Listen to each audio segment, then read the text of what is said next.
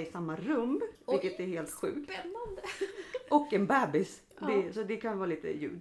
Vi ska ju göra ett avsnitt om matvåld. För det blev ju en jättestor grej på Instagram när jag publicerade när jag stod och stekte tofu. Eh, för det hade inte jag fått äta på 11, oj, bebis, eh, på 11 år och kände att jag blev lycklig bara tanken att jag får ju äta vad jag vill nu. Och det var så många som hörde av sig om just det här ämnet. När man då blir kontrollerad med mat, man blir kontrollerad med träning, man kan bli kontrollerad. Det var en kvinna, en kvinna som skrev att hon, hennes man kontrollerade henne vad hon skulle dricka när hon var gravid. Och hon fick inte dricka Coca-Cola och hon fick inte göra massa saker. Eh, och det var en kvinna hon berättade att hon fick inte äta lakrits, en fick inte äta apelsiner och en fick inte göra köttfärssås. Det var så sjuka grejer. Och jag hade ju också mycket sådana regler. Därför tänkte jag kolla med dig. Vad, hade han någonting med dig? Han skröt ju väldigt, väldigt mycket om sin matlagning och hur duktig han var och sådär. Och då kan det ju vara lite svårt att säga ja, det smakar normalt. Så- det gjorde jag inte för jag är ju också en väluppfostrad kvinna. Eh, men då ville han ju att jag skulle laga mat. Och jag är ju totalt värdelös. Jag har några paradrätter. Men Ja. jag skäms inte för det. Jag suger i köket liksom. Så är det bara. Jag gillar inte att laga mat. Liksom. Nej, jag kan göra det någon gång ibland. Tycker att det är kul om jag får göra liksom, om jag får leka mästerkock och så. Men, men annars vardagsmat, nej. Så det höll han ju på hela tiden och tryckte på jämt att jag inte lagade mat och hur ohälsosamt det var och du vet allt det där. Det fick jag ju höra. Det var väl bara det, det var mycket som gick in på mig i det. Eh, eh, inte i det, men mycket, mycket skit som han gjorde som han skrämde mig. Men just den biten, där är jag ju så klar över. Nej, men jag är stjärnkock på tre rätter och resten smakar inte så Nej. bra. Det är bukfylla. Så, Ja. så det, det höll han på och försökte med. Men det såg han väl efter ett tag säkert att det inte... Liksom, de, Det funkar det gick inte på dig. nej, jag är inte så känslig på den saken. Nej. Man får säga att min mat smakar pyton för det. det. Är okej. Ibland, Ja. Ja. Nej, men för, det var ju, för- mig var han ju, just att han var kock, så var det att han skulle lära mig att laga mat. Och jag var ändå 19 och kunde typ steka fiskpinnar och jag kunde knappt koka pasta. Jag hade De ingen aning. man väl i brödrosten? Ja men lite så. Så jag kände att shit alltså han hade så mycket att lära mig. Men sen gick det ju bara över till att han kritiserade och det var, var så sjuka grejer jag var tvungen att göra. Mm, Ja, Ja, det var bebisen höll med. Nej men det var så sjuka grejer som jag var tvungen att göra och, och liksom rituella saker och det var varnade mig för att till exempel vara med champinjoner. Så var det giftigt om man inte tog bort skaftet. Jaha, okej. Det var giftigt. Ja. Jag bara, det tror jag inte Nej. att någon skulle hålla med om att det är giftigt. Men alltså alltså, sjuka saker som han sa. Så att man var ju väldigt, väldigt nervös när man lagade. För det var ungefär som att det skulle sprängas om det är någonting som gick fel. Ehm, så att jag var ju i princip livrädd och lärde mig ju till slut att göra hans paradrätter. Och det var den här jävla köttfärssåsen som skulle vara på ett visst sätt. Och det var en jävla räkpasta och ja. Men sen var det, eh, en annan bit i det var ju också med träning. Oj, bebis. Eh, med träning. Att han var ju så fixerad vid att man skulle vara tränad och se snygg ut. Eh, men han själv skulle ju sitta och äta en påse mandelkubb och hälla i sig liksom en hel liter, kol, eller en hel liter eh, Men han mjölk. åt ju tokmycket liksom. Ja. Och det är ju också den, den biten har man ju märkt från många som har skrivit till oss nu också att, det, att partnern har liksom nästan gett dem massa kakor och bara tvingat i dem massa onyttiga saker och sen tagit deras gymkort och bara du får inte liksom att man använder kroppen liksom och verkligen trycker ner och misshandlar. Ja, för det vet jag ju att han att jag tog på min mage. Det var lite så här, men jag är ju inte heller, jag har ju inte aldrig varit ute efter att vara supersmal. Jag har mina kurvor och jag Mm, äter vad det, fan liksom. jag vill, när jag vill och eh, hur mycket jag vill för man vet aldrig när man dör. Får inte dra mamma i håret, hon är frisör för tusan.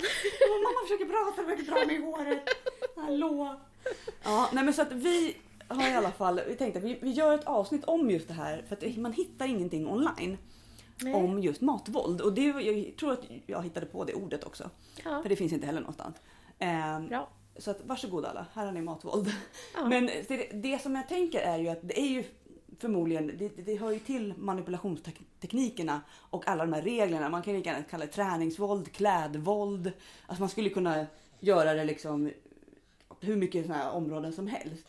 Eh, Men jag har ett in, en, en, en passus där. ja, För att kör. när du sa det först så var jag "Nå", så kom jag ju på det här lite grann då. Men det var ju aldrig så, så, så dis- hos oss så var inte det en stor grej liksom. Men däremot har jag gjort film om eh, våld i hemmet och, och Mm. sådär och angående gemensam vårdnad. Och då vet jag att många jag pratat med, både kvinnor och utsatta barn, vuxna Mm. barn. Det var alltid så himla jobbigt vid middagsbordet. Det var alltid så tryckt stämning och det är någonting som jag har hört gemensamt från många, många som jag har intervjuat. Att, att där, liksom, om någon kanske smäller i en tallrik eller maten inte smakar bra eller hit middagssituationer eh, är ofta superladdade. Och just, just det barn som har vuxit upp i sådana Alltså när, där eh, med misshandel och så har, har väldigt, väldigt svårt för gemensamma middagar. Det sitter Mm. som, ett, eh, som en tagg. Ja, så att, men det ska bli ett jätteintressant avsnitt. Vi har bjudit hit Hanna Bergvall som vi ska prata med om det här. Hon är eh, insatt mycket på ätstörningar och den problematiken. Och så diskuterar vi vidare. Ja, ja, men då, det blir jätteintressant att höra. Oj. Eh, och eh, ja, jag har lite andra avsnittet färskt i minnet. Det är bra. Allt vi pratar om är bra. ja, så här kommer det. Avsnitt om matvåld. Ja. Hej då! Hej då! Jag har bjudit in en person idag som heter Hanna Bergvall. Det är en person som jag har följt på Instagram ett tag och för jag vet inte hur länge sedan, det var väl några månader sedan så började hon följa podden. Så då kom vi i kontakt faktiskt och började prata lite. Och eh, för mig har Hanna varit en person som jag har haft lite i periferin till podden just för att hon håller på mycket med ätstörningar och eh, liksom den psykologiska vad ska man säga, Eh, resa man går igenom. Man ska slå sig fri och lite hur man jobbar med samhällets eh, säga, eh, samhälle, vikt och viktminskning och träning och allt vad det nu är. Så jag har bjudit hit henne idag för att vi ska prata om matvåld. Det var någonting som vi började eh, nämna lite i podden för några veckor sedan och som blev jättestort. Och jag fick så mycket brev, håller på att säga, inte fysiska brev, men mycket DM. Jag fick jättemycket liksom privata på min Facebook. För folk började skriva och som kanske inte alltid vågade ta det i kommentarsfälten. Och det vart liksom så mycket respons på någonting som många verkar drabbas av. Mat är ju någonting som vi är i väldigt stort behov av och då är det så lätt för den här typen av personer att använda det emot oss. Så att vi tänkte prata lite om ätstörningar och lite om matvåld helt enkelt idag. Så hej och välkommen Hanna. Tack, tack. Kul att du ville komma. Ja men självklart. Eh, Jag tänker så här, om du bara berättar lite om dig själv. Lite, jag drog en liten kortare story, men jag tänker du kan väl utveckla den lite. Ja absolut. Mm. Jag heter då Hanna Bergvall och har en Instagram med samma kreativa namn, Hanna Bergvall. Jättebra. Eh, och jag har ju varit drabbad av en ätstörning under, under lång tid, många, många år. Jag blev sjuk först när jag var ungefär 14 började det utvecklas. Liksom så. Och sen så idag så ser jag mig själv som frisk. Men jag har skrivit mycket på min Instagram liksom, under, under behandlingarnas gång så att säga. Och vad jag varit med om innan och efter och sådär. Och jag har faktiskt inte tänkt på ätstörning i form av ett våld tidigare förrän jag började följa er podd och lyssna på er. Och då så var det som att slog upp ögonen bara, men det är faktiskt det här, det är faktiskt ett våld. Det är det. Ja, verkligen. Så det har varit väldigt utvecklande för mig också och på något sätt befriande av att börja se det i de termerna. Att för då blir någonting utanför en Mm. på något sätt. Och ingenting man själv har liksom bara gjort så utan någonting man blivit utsatt för. Mm. Så Det... det... verkar ju vara ganska många som Ja. har drabbats av det. Ja, och när det kommer till ätstörningar så är de ju... Det, det är ju jätte, jättestort mörkertal. Mm. Jättemånga som har det. Det finns folk som har det utan att ens veta att de har det. Mm. Att man inte tänker om det, sitt sätt att leva i de termerna i och med att vi lever i ett ätstört samhälle. Mm. Ja, så det var, nu känner jag att gå direkt in i en Ja. rant här. Vi kommer ju dit också. Ja. Eh, Men jag tänker så här, du har ju då din Instagram ja, och nu såg jag också för ett tag sedan att du har blivit jurist också. ja Så precis. att du, gör, du har liksom... Ja, exakt. Jag har ju skrivit väldigt mycket just om ätstörning och psykisk ohälsa innan. Mm. Men nu så, i och med att nu är jag klar jurist och jobbar på en advokatbyrå som heter Mina Advokater. Och då så blir det ju att de, eller det blir naturligt att jag börjar skriva mer om juridik såklart. Ja. För att det är det, det är det jag går runt och tänker på hela dagarna. Så. Eh, och då är det ju mycket om vårdnads... Jag jobbar ju med familjerätt framförallt men också som målsägandebiträde. Så att, Och det är så bra för vi kommer komma åter, eller återkomma till Hanna sen i det ärendet. Men nu ska vi prata om mat i det här avsnittet. Eh, Men jag tänker så här, om vi bara tar lite kort om din bakgrund, hur mycket du nu vill dela med dig av din resa. Och hur det var, liksom, nu var du 14 och lite hur det började och lite kort hur det har varit. Och fram tills idag. Absolut. Jag, det är kul att du frågar så här hur mycket jag vill dela med mig Ja. av. För att jag är så... Jag berättar typ allt liksom. Bara alldeles för mycket. Ja men det är inte bra. Det är, så att det, nej men jag, det är faktiskt jag tog något beslut vid något tillfälle så här, att nu har jag berättat så mycket om mig själv att nu kan jag lika gärna go all the way. Lite så. Nej men och det, det enda som man, jag tänker på när jag ska berätta det är att jag, jag måste hela tiden vara försiktig så att jag inte triggar någon. Liksom. Ja. Så att det finns, jag, jag kommer ihåg själv från när jag var liksom, ätstörd så att jag sökte aktivt upp folk som pratade om ätstörningar bara för att liksom trigga mig själv på något sätt. Så. Mm. Så att jag ska försöka men, ja, prata om det utan att trigga. Eh, och då, då tror jag att det är viktigt att poängtera att jag är frisk idag. Mm. Så, och se mig själv som det. Även fast det är såklart, det kommer jobbiga tankar ibland. Mm. Men det är ju naturligt. Men hur som helst. Det, det, det började väl någon gång när man kom in så i puberteten. Eh, slutade vara så här, ba, ha en barnkropp och började ha en vuxen kropp.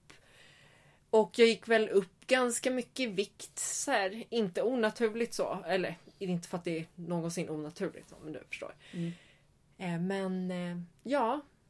Då, då kände jag väl, jag såg inte ut som de här på TV och de i tidningarna. Och det var väldigt så här, klassiskt egentligen. Och bara kände att jo, men om jag var lite smalare så, så hade det, det hade nog varit bra. Liksom, så.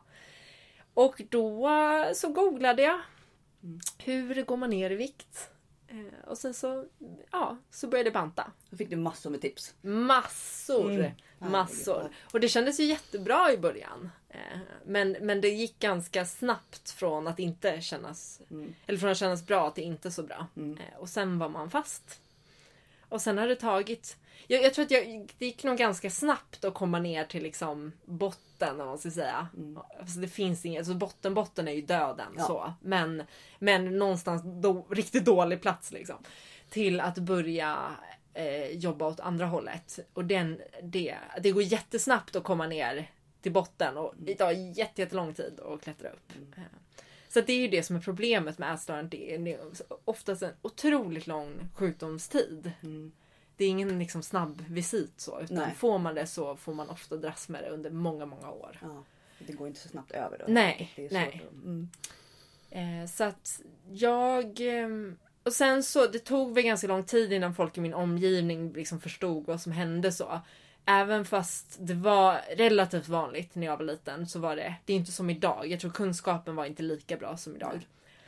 Så det var väl lite på BUP där, några vändor och sen Stockholms centrum för ätstörningar och sen nu senaste, så jag har fått två behandlingar kan man säga. Och senaste gången var på eh, Capio ätstörningscenter i Sollentuna.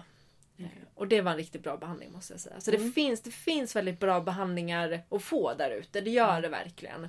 Eh, och så det- det vill jag så här uppmana folk till att det är värt det. Det är absolut värt det att ta behandling. Mm. Så. Ja, för det ju, känns som att det är ju som du säger, det är ju väldigt många som lider av det i det tysta och som inte ens vet om det som du säger. För jag har ju mycket vänner och sådär, en del så här, ja men man har ju lite issues. Mm. Man kallar det liksom för, vad ska man säga, det, det låter bättre. Men Ja, det är egentligen en ja, men form precis. av... Men det man som gör det så svårt är ju att det Alltså vi lever i ett samhälle som uppmuntrar Mm. ätstörda beteenden. Så att det, det blir så svårt att säga att så här, det här, nu gör du fel. För att Mm. allt annat i samhället säger att man ska göra så här. Och det, även fast, jag menar, jag tror att det, men det gäller väl att dra någon gräns till så här, börjar det här, börjar du må dåligt av det här varje dag så. Mm. Då, då är det liksom inte okej längre. Nej. Då måste man liksom, agera på det. Eh, men men det, ja, det är Mm. jättesvårt.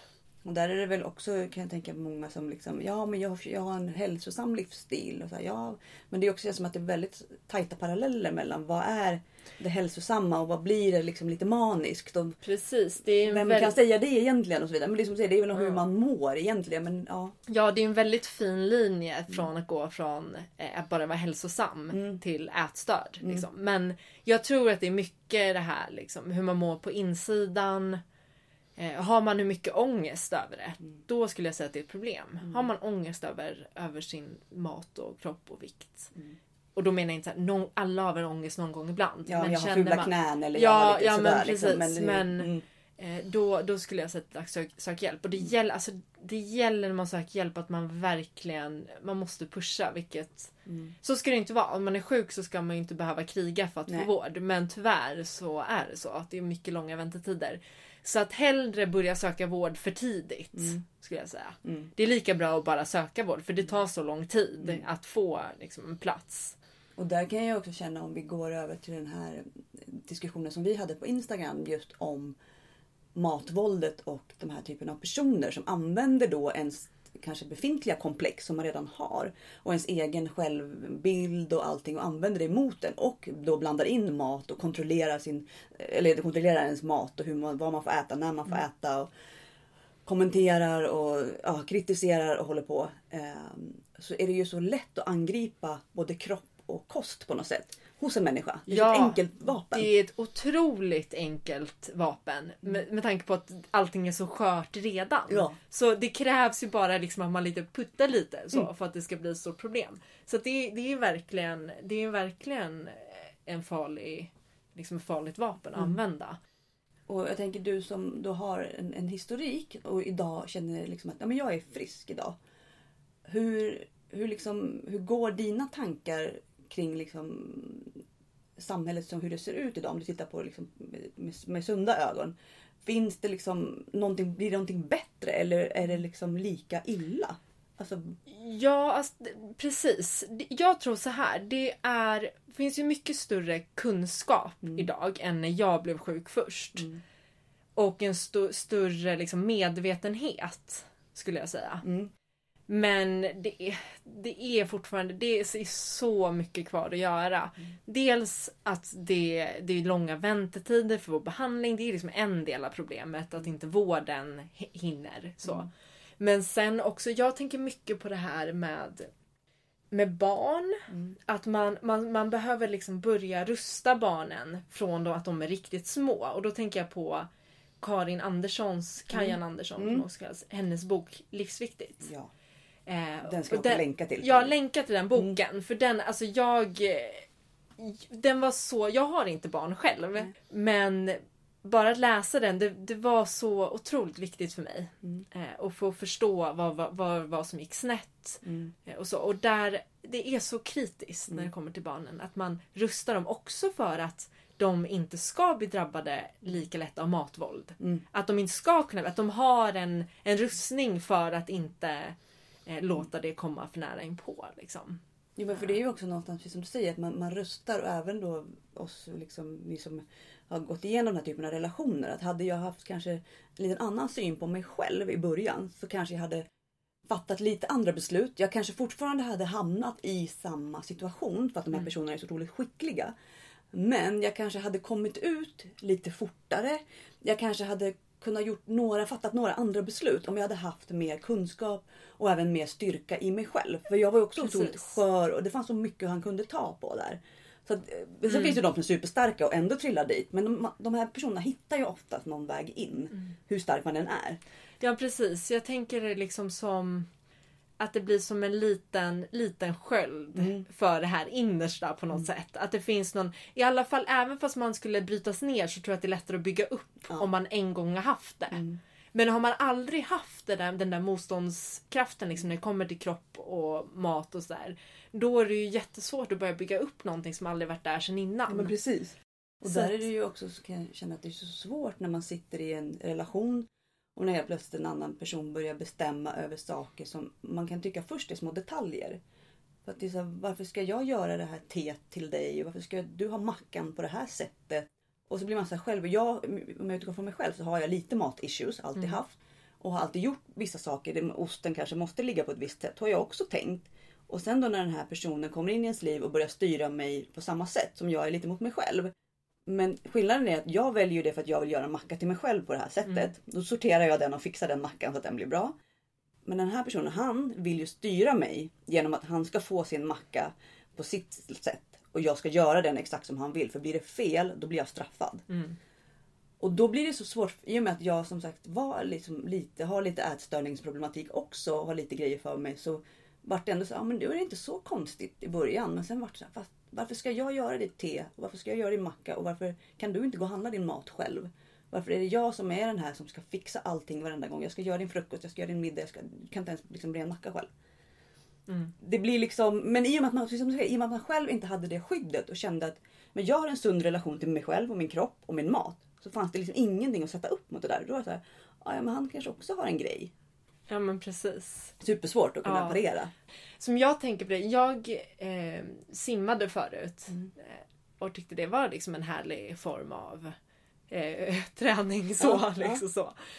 Men då, då sa han jag var med att, du, att tydligen så hade jag väldigt breda axlar. Jag hade aldrig tänkt på att jag hade breda axlar. Jag inte, ja. Nej, alltså det, jag hade liksom aldrig reflekterat över det. Nej. Så här, det, var bara ax, det var bara axlar. Mm. Men efter då sa han att jag inte skulle simma för att jag hade så breda axlar. Mm. Att då blev jag så liksom konstig form på mig. Och Då skulle dina axlar bli ännu bredare. Då skulle du se Och ännu märkligare det- ut då. Ja precis. Och det, det äckliga med det här Mm. var min reaktion var inte ditt pucko liksom. Mm. Det var, alltså, min reaktion var Shit vad snäll, tack för att du berättade det här för mig. Ja, så att jag slipper dig om dina Ja! axlar. Mm. Vad, vilken schysst kille! Så att jag slipper gå runt med den här konstiga kroppsformen utan att veta om det. Mm. Vilket... Den kunde ju också blivit ännu värre. Ja! Den här konstiga som redan är. Ja. Den hade ju kunnat bli ännu... Ja. Men alltså vilket kap som berättar det här Mm. för mig. Och det är nog väldigt många som har den, just den känslan faktiskt. Jo, men för det är ju också att de här personerna ska ju alltid upplysa en om sanningen. Och Precis. vill ju hjälpa och vill ju inte att man ska vara si och så. Men Sant. indirekt så säger de ju åt en att du har någonting som är fel redan nu. Och det kan bli ännu värre. Lite som Precis. de poängterar en axel som du ens inte har tänkt på. De bara, det är ju inget fel på den här. Ja. Man hittar liksom helt plötsligt ett, ett nytt komplex och så, men det visste jag inte att det var fel. Nej, det, jag, hade, jag, aldrig reflekt, jag hade aldrig reflekterat över det. Och sen så hade jag på mig ett sånt här boxarlinne. Ja. För att ja, ja, jag tyckte det var fint. Tänkte inte mer på det. Och då var det också så här, jag skulle visa upp min rygg. Vilket jag gjorde. Och då var jag så här, nej det där kan du inte ha. Du, dina breda axlar. Och då är jag så här, just det, shit, okej, mental. Nu får Ja. jag göra liksom en mental notering här. Att Boxarlinne box, bort. Boxarlinnen, det är utslutet. För det är breda axlar. Mm. Och det där har ju tagit tid för mig att släppa. Jag kan ju fortfarande vara lite så här, jo men de ser nog lite breda. Alltså jag kollar Ja. så här lite i bak så här. På ryggen liksom i spegeln. Ja, men de ser nog lite breda ut. Så bara, nej, men, Ja, men, och det, det, det blir ju så, det sätter ju sig så hårt. Ja. Det är det som är så obehagligt med den här Ja. typen av eh, som psykisk misshandel som det ändå är. Ehm, och det är väl därför den är så effektiv också. För att den är, så- den är så lätt. Och den är paketerad som att de gör en en tjänst. Att de berättar någonting som ingen annan vågar berätta. Det var ju som min förövare. Han var ju då enligt sig själv, det finns ju inga bevis på någonting om någonting, men skitsamma. Han var ju enligt sig själv då utbildad kock. Och skulle ju hjälpa mig att laga mat. Det var ju det som var syftet. Och alla de här rutinerna, alla de här liksom ritualerna som skulle vara, ordningen på allt. Det var ju liksom helt... Det var ju liksom som typ Gordon Ramsay hade kommit hem till en fast det, jag var ju då 19-20.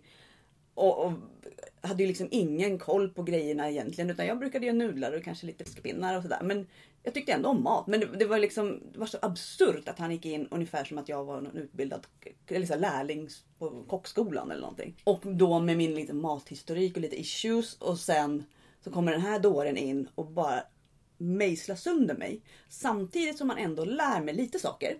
Han lärde mig ändå hur man kokade den här pastan, hur man fick potatisen bra. Så då var det så här, ja men okej jag lär mig ju saker, det är ju bra. Men samtidigt så kom det här sjuka liksom, berget av skit som då verkligen tryckte ner och som fick mig att må fruktansvärt dåligt. Och så fort man kom hem så var det ju stresspåslag. Och han kunde ju aldrig hjälpa till med någonting utan det var ju, jag var ju som en husa ungefär.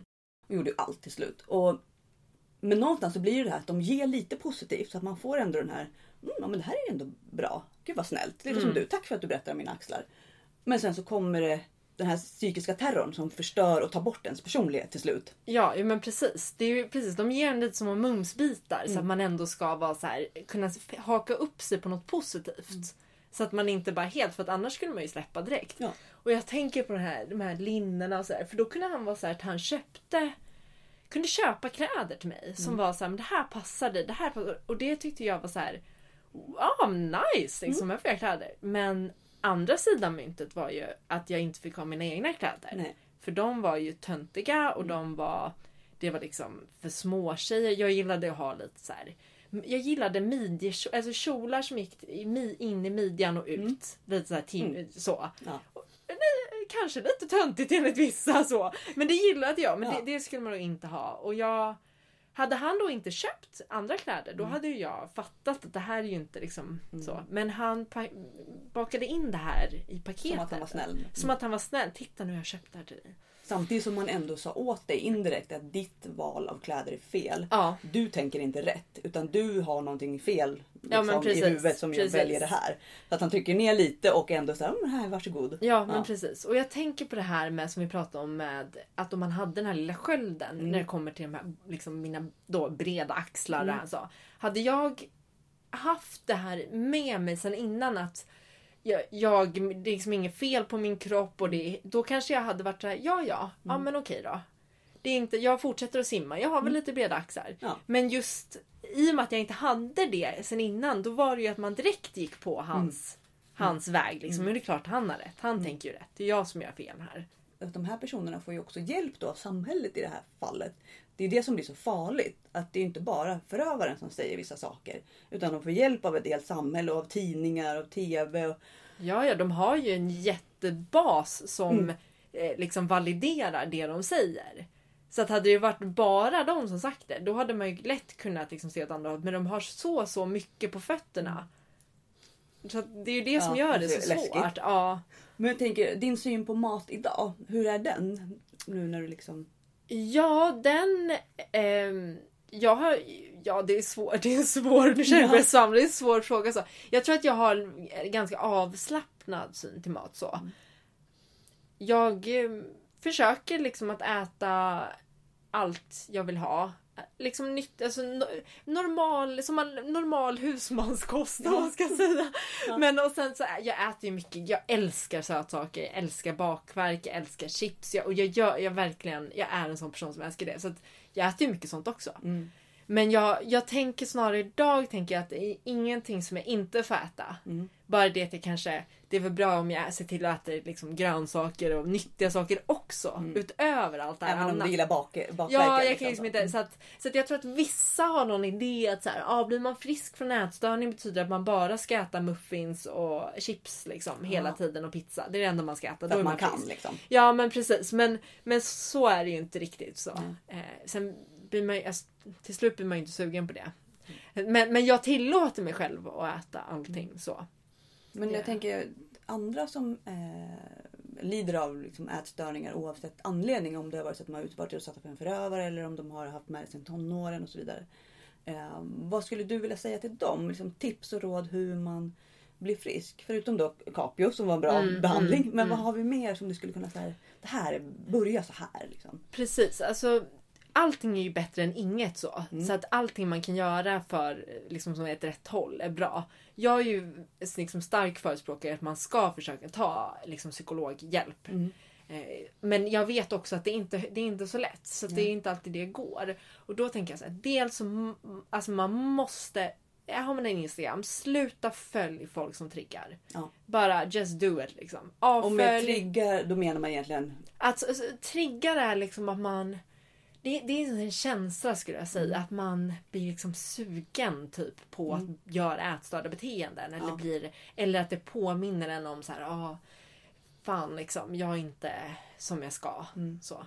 så att de får en att må dåligt. Jag får en Mm. må dåligt eller får en att bli så taggad på Mm. att göra de här ätstörda grejerna. Och då tänker jag så här, avfölj dem som Mm. tr- triggar och istället försöka följa folk som ja, men den kroppspositiva rörelsen Mm. exempelvis. Börja följa mat.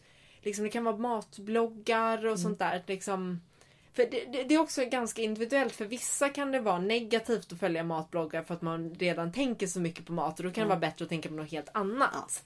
Men för andra så kan det vara liksom bra så. Så att det där måste man nysta i lite. Eh, men, och sen är det mycket, alltså mycket kan man påverka. Man kan påverka sitt sätt att tänka mycket genom att ändra sitt beteende. Det är en otroligt starkt, stark eh, redskap. Att sluta väga sig. Sluta spegla sig. Och då menar jag inte att man inte tittar alls. Man kan titta sig i spegeln, det är bra, det ska man göra. Men inte stå och kontrollera och vrida och vända. Och, utan snabbt bara se kläderna. Liksom, har jag en fläck på tröjan? Nej, det har jag inte. Nu Har jag något i ansiktet? Ja, men precis. Här. Eh, och sluta klämma på kroppen och känna och kontrollera. Och, och jämföra. Eh, Och jämföra är jättesvårt att sluta med. Det har jag fått jobba jätte, jättemycket med. Eh, Och jag tror när det kommer till det, för mig funkar funkar mycket att försöka fylla på med andra saker. Det, ätstörningen tar ju upp all ens, all ens, alla ens tankar, all ens tid. Den fyller ju verkligen fyller ju hela ens liv. så. Och när man börjar ta bort det, då måste man fylla på med andra saker. Så försök att tänka liksom, vad brukar det tycka om jag... När det kommer till det jag berättade om innan så hade det varit att börja simma igen. Liksom. En, Ta kontrollen över det ja, lite, liksom. Ja men Mm. precis. Att, eh, att försöka fylla på med andra saker. Och är det så, det beror på hur ens ätstörning ser ut. Är det så att man tränar jättemycket, ja men då måste man dra ner träningen. Man måste liksom gå emot. Det, det är så. Det, det är jätte, jättesvårt och det går upp och ner. Ibland känns det bra, ibland känns det bara jättedåligt. Så. Eh, Men, men det, det, det gäller att ställa om och börja tänka att nu ska jag göra motstånd. Ja. Eh, Och det blir, ju mer motstånd man gör, ju, ju lättare blir det till slut. Jag tycker ofta att det finns en, det, man går liksom, eller jag gjorde det, gick igenom många olika faser.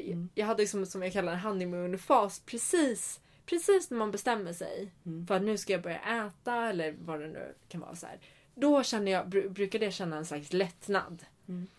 Men den gick ganska snart över och då, och då kommer den nästan tuffaste hela resan är ju när man verkligen den här lättnadskänslan gått över och man måste börja aktivt liksom jobba med att vidmakthålla allt det här man då ens nya sätt att leva. Och de här sunda tankarna. Ja, och, börja att, men det handlar ju egentligen om att man har en ätstörning som man går emot allting. Och då skapar det jätte- jättemycket ångest såklart. För, det- för det är ju, en ätstörning är ju en ångestkontroll. Att du- gör de olika beteendena för att kontrollera ångesten. Så det blir ju, det ska man ju vara medveten om att man kommer ju få ångestpåslag. Och då gäller det bara härda ut dem. För att ångest funkar ju så att det kommer ju alltid gå ner. Det går ju aldrig liksom upp hela tiden utan det, till slut så kommer det gå ner. Så det gäller bara att hålla ut. Ja, min psykolog sa att hjärnan kan inte hålla ett ångest liksom, för Nej. så länge. Den klarar inte det. Utan den, då börjar den skjuta in Ja, annat och ja, så man, kommer man ur det. Det är, det ju liksom inte. ångest det är ju en fysisk grej egentligen. Så, att den kommer, så det kan vara bra att veta och trösta sig själv med att det kommer gå ner. Men att det är, det är ett helvete under tiden. Det är det ju verkligen.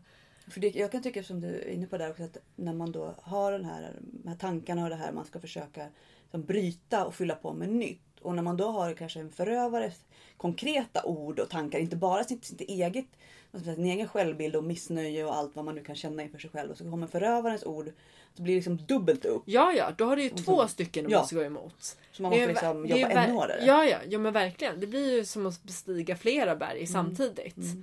Eh, Verkligen. Och sen eh, särskilt när vi lever i liksom fetma, fetmafobiskt eh, Vad är det samhälle. med det liksom? Jag har också tänkt på det väldigt mycket sen efter, efter jag fick barn. Mm. För det var, vart det så väldigt tydligt för mig. Jag har alltid haft samma storlek hela mitt liv. Och sen får jag två barn inom loppet av typ två år. Ja, det var väldigt tajt. Eh, och min kropp har ju förändrats jättemycket. Och förövaren hoppar ju fram direkt i mitt huvud. Och nu har det ju gått väldigt många år. Men han är ju där och talar om för mig hur jag har förstört min kropp. Och, för det var ju liksom, barn var det värsta man kunde göra liksom, mot sig själv och allt det där. Hur de förstörde ens liv. Och då blir det liksom så lätt att trilla dit. Där jag känner, men gud jag har ju faktiskt förändrats och nu måste jag förhålla mig till det här. Och så sitter man som du säger på Instagram och så hoppar det upp olika träningsprofiler, det hoppar upp olika tv-program, kändisar som ska komma bort från soffpotatisen och allt vad det är. Och man känner så här, och kollar lite, jag kollar väldigt lite på tv, men det kommer något så här Ex on the beach och allt vad det heter. Och man tittar på de här människorna och bara, vad är det för människor? De finns ju inte ens på riktigt. Och då så här, man blir så lätt påverkad. Ja men det blir man verkligen. Hjärntvättad. Det är Verkligen. vidrigt. Det, det, ja, det, det är jättehemskt. Jag kan ju också känna det Mm. än idag. Liksom. Men jag, jag tror på något sätt att jag alltid kommer ha det där lite. Mm. Men, men det går att komma till den punkten när det bara kan få vara där. Mm. Utan att det behöver förstöra eller att det är bara någonting som är där. Mm. Och det är okej liksom. Ja, Mm. och för mig har det mycket... I och med att jag har ju gått liksom i flera cykler kan man säga, eller vändor när jag har liksom blivit frisk, typ tänkt, och sen har jag blivit sjuk igen. Ah. Så att jag har ju sett, och jag har ju på något sätt kommit till den punkten när jag vet att det är ingen idé. Det är ingen idé. Alltså, börjar jag blanta nu, Mm. då är det, då startar jag bara om. Jag vet att det går, jag kan inte. För ibland kan man få den här idén att så här, det går att leva underviktigt till exempel. Som många av de här människorna är. Det går, att, så, det går att leva, men det gör inte det. Det går inte att leva underviktigt. Det gör inte det. Kroppen vill inte vara där. Kro- eller? nej, kroppen vill inte Du kommer alltid vara i en, i en liksom kamp och en strid. Mm. Och den kommer göra att ändra så kommer du liksom till slut gå upp igen till det Mm. du vägde innan. Eller så kommer du liksom bli jätte- jättesjuk och inte kunna leva ditt liv. Nej. Så att jag, tror att det, det, den här idén om att det faktiskt går att vara, be, befinna sig i ett under, liksom underviktigt Mm. tillstånd. Att det är, men det gör inte det. Nej.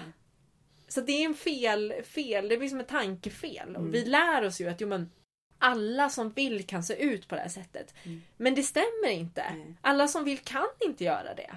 Det finns några människor som, som faktiskt ser ut så. Men de flesta gör ju inte det.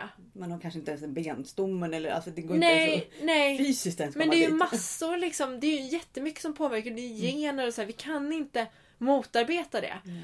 Och det, jag tror att där handlar det ju bara, det måste man bara acceptera. Att bara, alltså, jag, ser, jag ser ut så här och det är Mm. inte...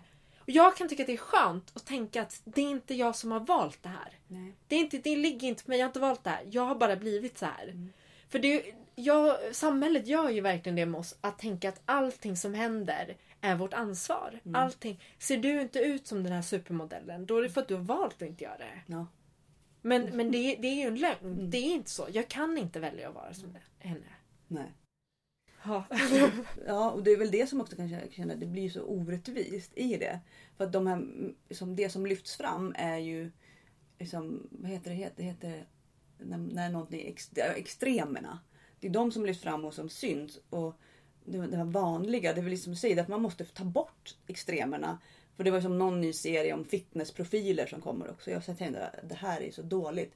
För det var det enda min förövare tjatade om var ju då träning och kost och det var liksom bara fokus på det och man skulle inte, det var liksom det här tjockhatet som är bara helt fruktansvärt. Eller liksom att man har man liksom lite former så då är det, alltså det är så fel då. Man säger, men, hur kan det vara fel? Alltså en kropp, en kropp kan vi bara liksom släppa hur den ska se ut. Jag får panik. ja men precis. Det bästa vore ju om man bara inte behövde tänka på det. Ja men det ja, För det är egentligen ganska tråkigt. Men Så, jättetrå- jätteointressant. jätte... Och det, men- För det har ju egentligen ingenting med saken att göra. Om, om jag sitter och interagerar med en människa så är det skitsamma hur den ser ut. Nej det kan man också tänka på med de som man har nära en. Att jag sitter ju inte och tänker på hur min sambo ser ut. Nej. Eller liksom någon, några av mina vänner. Det är ju liksom för mig helt oväsentligt. Men sen, sen vet vi ju också att det, det kan man ju inte sticka under stolen med att det är ett fetmafobiskt. Jag vet inte om jag säger det ordet rätt. Heter det fett, sä- säger man fetmafobiskt? Ja. Fetmafobiskt. Att det, det, det påverkar liksom hur, vilka möjligheter man får. Och man får Mm. det, det är fruktansvärt. Det är absolut fruktansvärt. Det måste vi ha motstånd mot hela tiden. Mm. Så. Nu ska vi upp och hämta en bebis bara. Ja. Kommer. Gör så. Vi gör så här. Jag tänkte annars ska jag bara köra Nej, rant här själv. Varför gå? Ja. Jag kommer. Nu sitter jag här själv. Det är en bebis på ingång som ska hämtas. Jag tänkte säga om någon vill passa på att fråga mig någonting när vi sitter här själv men det blir svårt för, ni, för er som lyssnar. Vi sitter i ett, i ett rum med... Det är massa lådor här inne. Det verkar vara väldigt bra poddinspelningsrum. Det är massa tyggrejer tror var i de här lådorna. Som en liten källare. Det ser nästan ut som ett pysselrum. Jag skulle bara vilja plocka upp allting och börja pyssla med grejerna. Men det borde jag nog inte göra. Jag borde inte röra någonting. Jag känner den här klåfingriga eh, barnet inom mig. Vi kommer att börja ta på saker. Det här låter jättecreepy att jag sitter och pratar själv här. Men men. Så får det vara. men titta en bebis! Det kommer en bebis. Hej! Eh, Hej, vad glad du är! Väldigt glad. Åh, vad söt! Han hade bajsat där uppe. Ja. Och då måste man... eh, Så nu tänkte jag vi provar han är med. ja. Och så låter han för mycket får vi typ... Jag vet inte vad vi gör. Men Jag känner mig så stel med barn. Jag bara hej säger jag. Jätte, innan jag fick några så visste jag inte ens hur man skulle göra med dem. Nej, men jag bara hur håller man? Jag Vad gör ingen man? aning. Alltså jag hade sån panik. Hur, hur gammal? Han är fem månader. Så liten och så stor! Ja. Jag har liksom stora barn. Jättestor! Ja. Eller jag vet typ inte hur de ska Nej men se de ut. är, han, är, han väger ju nästan 10 kilo. Wow, vilken kille! Vilken Men kille! och glad. Så att, um, I Men början var det lite jobbigt. Vi hade ingen aning om barn. Jag visste inte vad man gjorde. Så jag skulle sjunga så här låtar för dem. Jag var så här, började sjunga liksom så här, så här tomtegubbar glaset. Jag hade ingen aning. Jag bara, vad sjunger man för barn? Det var så jävla jobbigt. Jag får googla. Ja, när jag började det. Nej, det var, ja, nu kan man det här. Ja. Ehm, det jag skulle vilja prata lite om när det kommer till mat eh, och ätstörningar. Det är också lite hur, hur det kan se ut. För det kan ju vara väldigt olika har jag förstått. Det är inte bara så här, nej men jag har lite bulimi eller jag har anorexia. Och lite, hur det kan, liksom om, för du har säkert läst på en del även om du själv inte har haft kanske alla de här grejerna. Man har väl kanske någon grej man gör. Ja men precis. De absolut flesta Mm. Har en ätstörning som kallas UNS. Okej. Och nu tror jag att den här UNS har bytt namn eventuellt. Okej. Så det kanske att den kallas något annat. Men det, är, det står för något så här unspecified eh, tjofräs någonting. Aha, Och okej. det är att man inte uppfyller alla kriterier för någon annan ätstörning egentligen. Inte bulimi, inte anorexi. Så att det Mm. största, det är liksom absolut de flesta har det. Har den här liksom UNS eh, ätstörningen. Och det har jag också haft. Ehm, och den, då, då, alltså det, och det betyder inte att det inte är, vad ska man säga, värre. Eller att den är, för många tror på något sätt att det värsta man kan ha är anorexi och sen kommer bulimi och sen det här andra det är ju bara den här liksom. Det är inte så farligt. Men det stämmer inte. Det kan vara minst lika farligt att ha UNS som anorexi till exempel. Ja. Det är inte någonting med det att göra. Så. Eh, Och de ändrar ju de här kriterierna lite, lite då och då. Så. Men det, ätstörningen består väl av lite olika delar. Dels så är det ju hur man tänker. Nu har vi bebis ibland. Men, Slut med det. Ja. Jättesött. eh, nej men det, det kan vara dels hur man känner om det, att man har liksom ångest så. Och sen så är det en del som liksom beteendet. Att man utför ätstörda grejer, gör grejer. Och det kan vara till exempel att man måste äta på ett visst sätt, äta en viss ordning, inte äta, äta mycket av en viss sak, inte äta. Alltså, att man har olika liksom, ritualer kring mat. Eller att man kan inte äta så här sent på kvällen och massa sånt där. Och sen så... Förut har det varit, i- när det kommer till an- anorexidiagnosen så har det varit att man ska tappa mycket vikt.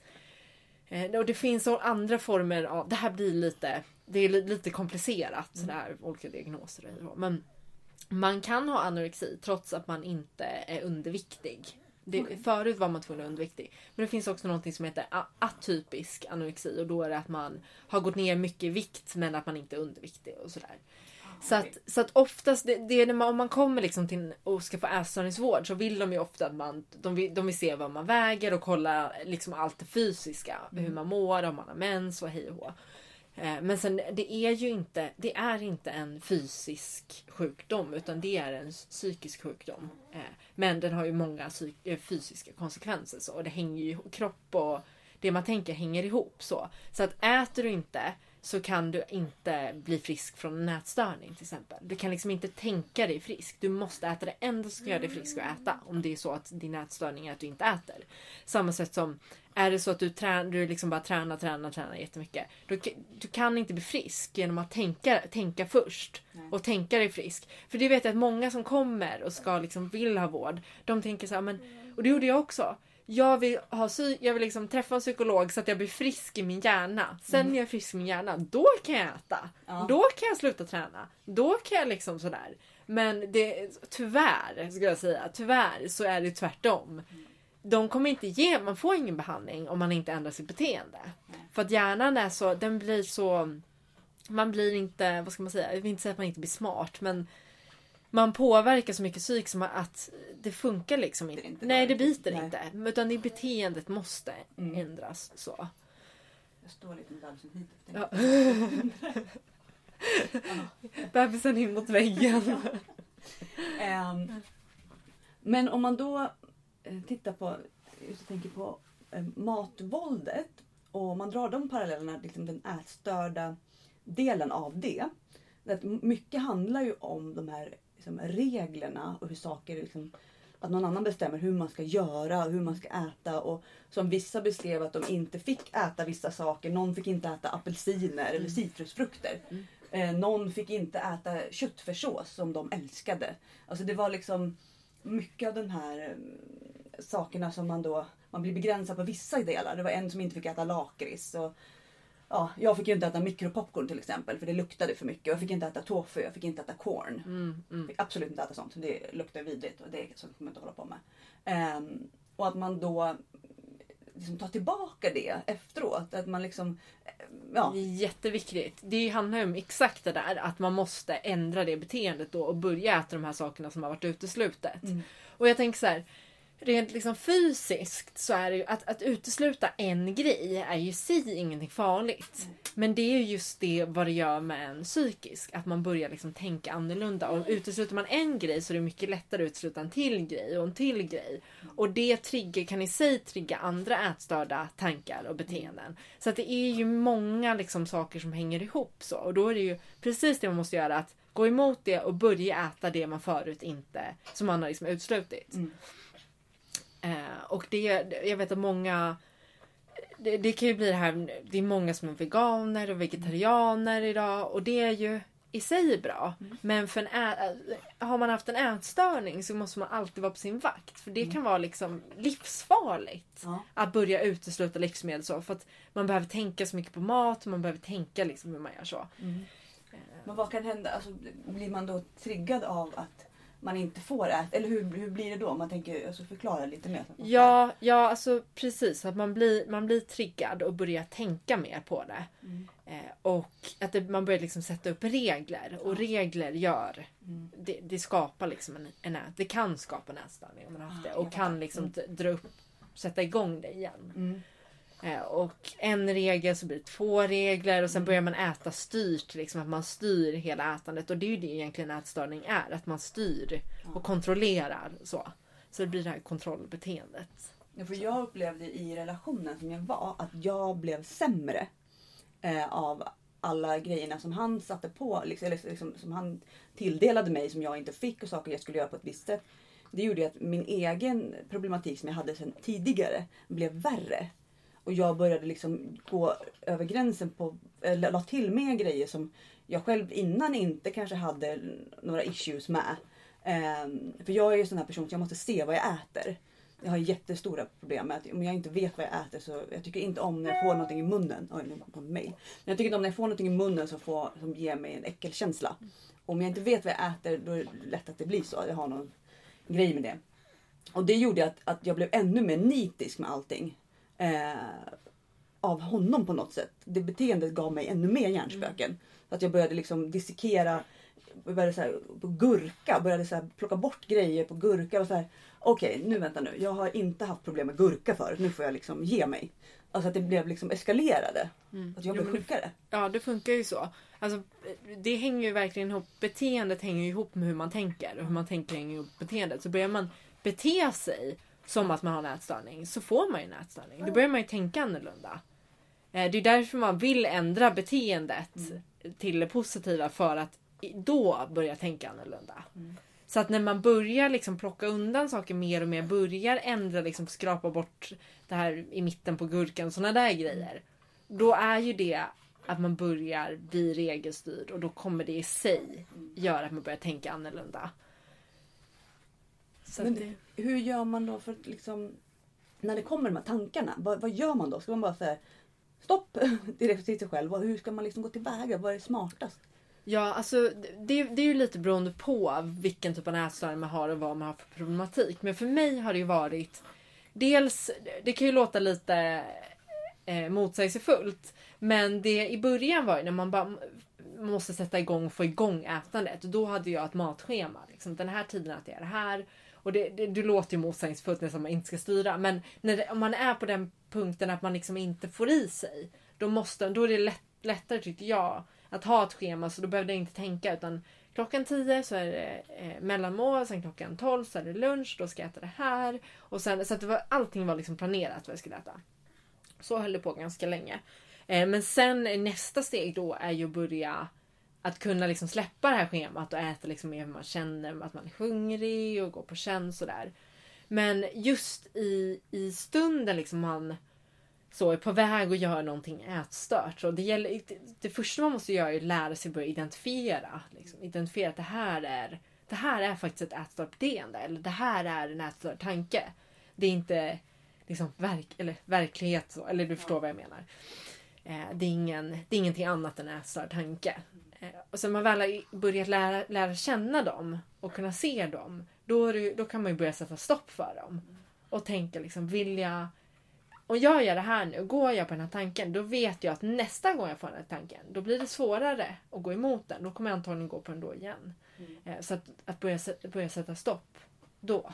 Och då kan man ju jobba, det är därför jag tycker det är så bra om man har en psykolog som kan hjälpa en att liksom nysta och reda ut det här. För det är inte alltid så enkelt. Speciellt när man lever i ett samhälle där alla håller på med såna här beteenden. Mm. Hela tiden. Mm. Eh, och det, visst, man kan göra det till en viss grad, men när det är problem då måste man börja sätta stopp. Och sen när... Det, det gäller ju då att ja, börja, börja gå emot de här beteendena helt enkelt. Och på så sätt börjar, börjar man tänka annorlunda. Mm. Att egentligen liksom, och när en, en tanke dyker upp, identifiera den och liksom försöka se vad, vad är det här och inte, gå, inte följa med. Och där kan man också känna då, om man har då en, en partner då som går in på de här bitarna och man börjar känna att nu är det någon som börjar kontrollera mig. Hur jag ska tänka om mig själv, hur jag ska tänka om min mat, hur jag ska tänka om min träning. Då är det ett gigantiskt varningstecken. Och då är det dags att börja liksom fundera på, ska jag vara kvar här? Ja, verkligen. Verkligen. Så fort då, alltså det, det så ska det inte vara en relation. En hälsosam mm. relation ska det inte vara så. Mm. Och det ändra så måste man ta sig ut eller så måste man prata om det. Så att det här, så här kan vi inte ha det. Liksom. Och där kommer vi liksom in på en annan grej också. Det här att leva med någon annan som är ätstörd. Mm. är ju ja. också är någonting otroligt svårt om man själv kämpar med sin ätstörning. Att leva med andra som också är det. Så. Eh, så det, det, är jätte, jättesvårt. Men, men jag tror att absolut ska man se det som ett jättestort varningstecken om någon i relationen liksom börjar börjar liksom kontrollera och ha synpunkter på massa grejer. Mm. Eh, om det inte är så att den personen säger jag är orolig för dig för att du, liksom att den har, den har sett att det här är, rör sig om en ätstörning och du mm. behöver få hjälp. Liksom. Mm. Men det här är ja, mm. det, är, det är inte så, det, det kan vara ganska svårt. Så att mm. prata med folk skulle jag säga. Prat, försök prata, även om man kanske inte pratar med en psykolog. Mm. Försök, bara, för jag tänker så här, bara det att man säger saker högt så brukar det vara lättare att se det objektivt mm. och förstå det. För eh, som, som när jag bara tänkte på den här linnegrejen eller simma situationen. Sen nu när jag har sagt, pratat om det och sagt det högt. Så ser jag ju hur sjukt det är. Eller hur sjukt det var. så. Men när man bara är liksom två i den situationen så är det jättesvårt att identifiera. Så liksom försök stöta och blöta saker med, med liksom kompisar och de man känner. Och det är väl därför också att de jobbar så hårt med isoleringen. Just mm. för att man inte ska få input från nej, någon annan. Nej, men exakt. Så att när man börjar prata med andra då måste man ju också någonstans plocka ur allting ur sitt skal och bara vad är det här egentligen? Och då är det då det blir oftast ännu värre om man känner såhär shit jag har verkligen fastnat i någonting, jag kommer inte komma ur det här. Nej. Så att det blir också en verklighets, vad ska man säga, ett wake up mm. när man väl börjar prata. Och min, och er... Ja, mm. min erfarenhet är också att när man väl börjar inse så har det ofta gått ganska långt. Ja. Eh, så att, ja. håller med. Bebisen instämmer. Ja. Men att också det är mm. samma sak med ätstörningar. Att när man väl inser så brukar det ofta ha gått ganska långt. Så mm. då, Då gäller det att liksom ta sig ut eller, och sö söka hjälp. Men det är som vi brukar skriva ibland när man gör inlägg också. Att när man väl börjar googla olika tecken på psykopati eller liksom psykisk misshandel. Redan där har du ett varningstecken. Ja, att ja. du börjar ens tänka de tankarna då, har du, då är du där. Ja men precis. Eh, då får man den här kallduschen när Mm. man börjar checka av listan. Bara en, två, tre, fyra, fem. Ja. Så har man alla poäng. Ehm, Om, jag tänker, om vi knyter ihop säcken lite kring matvåld. Är det någonting och ätstörningar liksom generellt. Är det någonting du skulle vilja skicka med dem som lyssnar? Som du känner så här, det här, försök att ta med er det här. ehm, på något sätt. Jag vill skicka med mig lite, det här kanske låter klyschigt, men lite hopp. Om att det faktiskt kan bli bättre och att det blir bättre. Eh, när man precis börjar göra motstånd så kan det verkligen, kan det verkligen bli nattsvart. Men det, kommer, det blir bättre, det blir det faktiskt. Eh, och jag, det kommer vara värt det också. Det kommer definitivt vara värt det. Eh, alternativet är mycket, mycket sämre. Liksom. Så att, så att, och sen vill jag också skicka med att jag vill inte att någon ska tänka är jag tillräckligt sjuk? Nej. För det tänkte jag mycket så här, men det, att jag liksom tänkte men det här är inte så farligt. Jag är ju inte sån där. Jag är inte så smal. För när jag har varit sjuka så har jag inte, jag har inte varit underviktig så kliniskt underviktig när jag varit som sjukast. Utan det har varit när jag objektivt sett ganska frisk och bra ut så. Liksom. Så att jag vill, det, det är egentligen bara en myt det här om att ja, man ska vara underviktig och se liksom helt utmärglad ut. Då, då kan man liksom få hjälp. Men det stämmer inte. Det, det är inte så. Och på de, min erfarenhet av på de behandlingarna jag har varit så att man liksom inom sjukvården börjar förstå det här liksom mer och mer. Så, så att jag vill verkligen bara säga att ta dig själv på allvar. Eh, och låt dig inte luras av att man måste se ut på ett visst sätt. Host, Ja, jag tror, det är ju väldigt många, om man får flika in. Oj, hosta lite. Oj, vänta, hostpaus.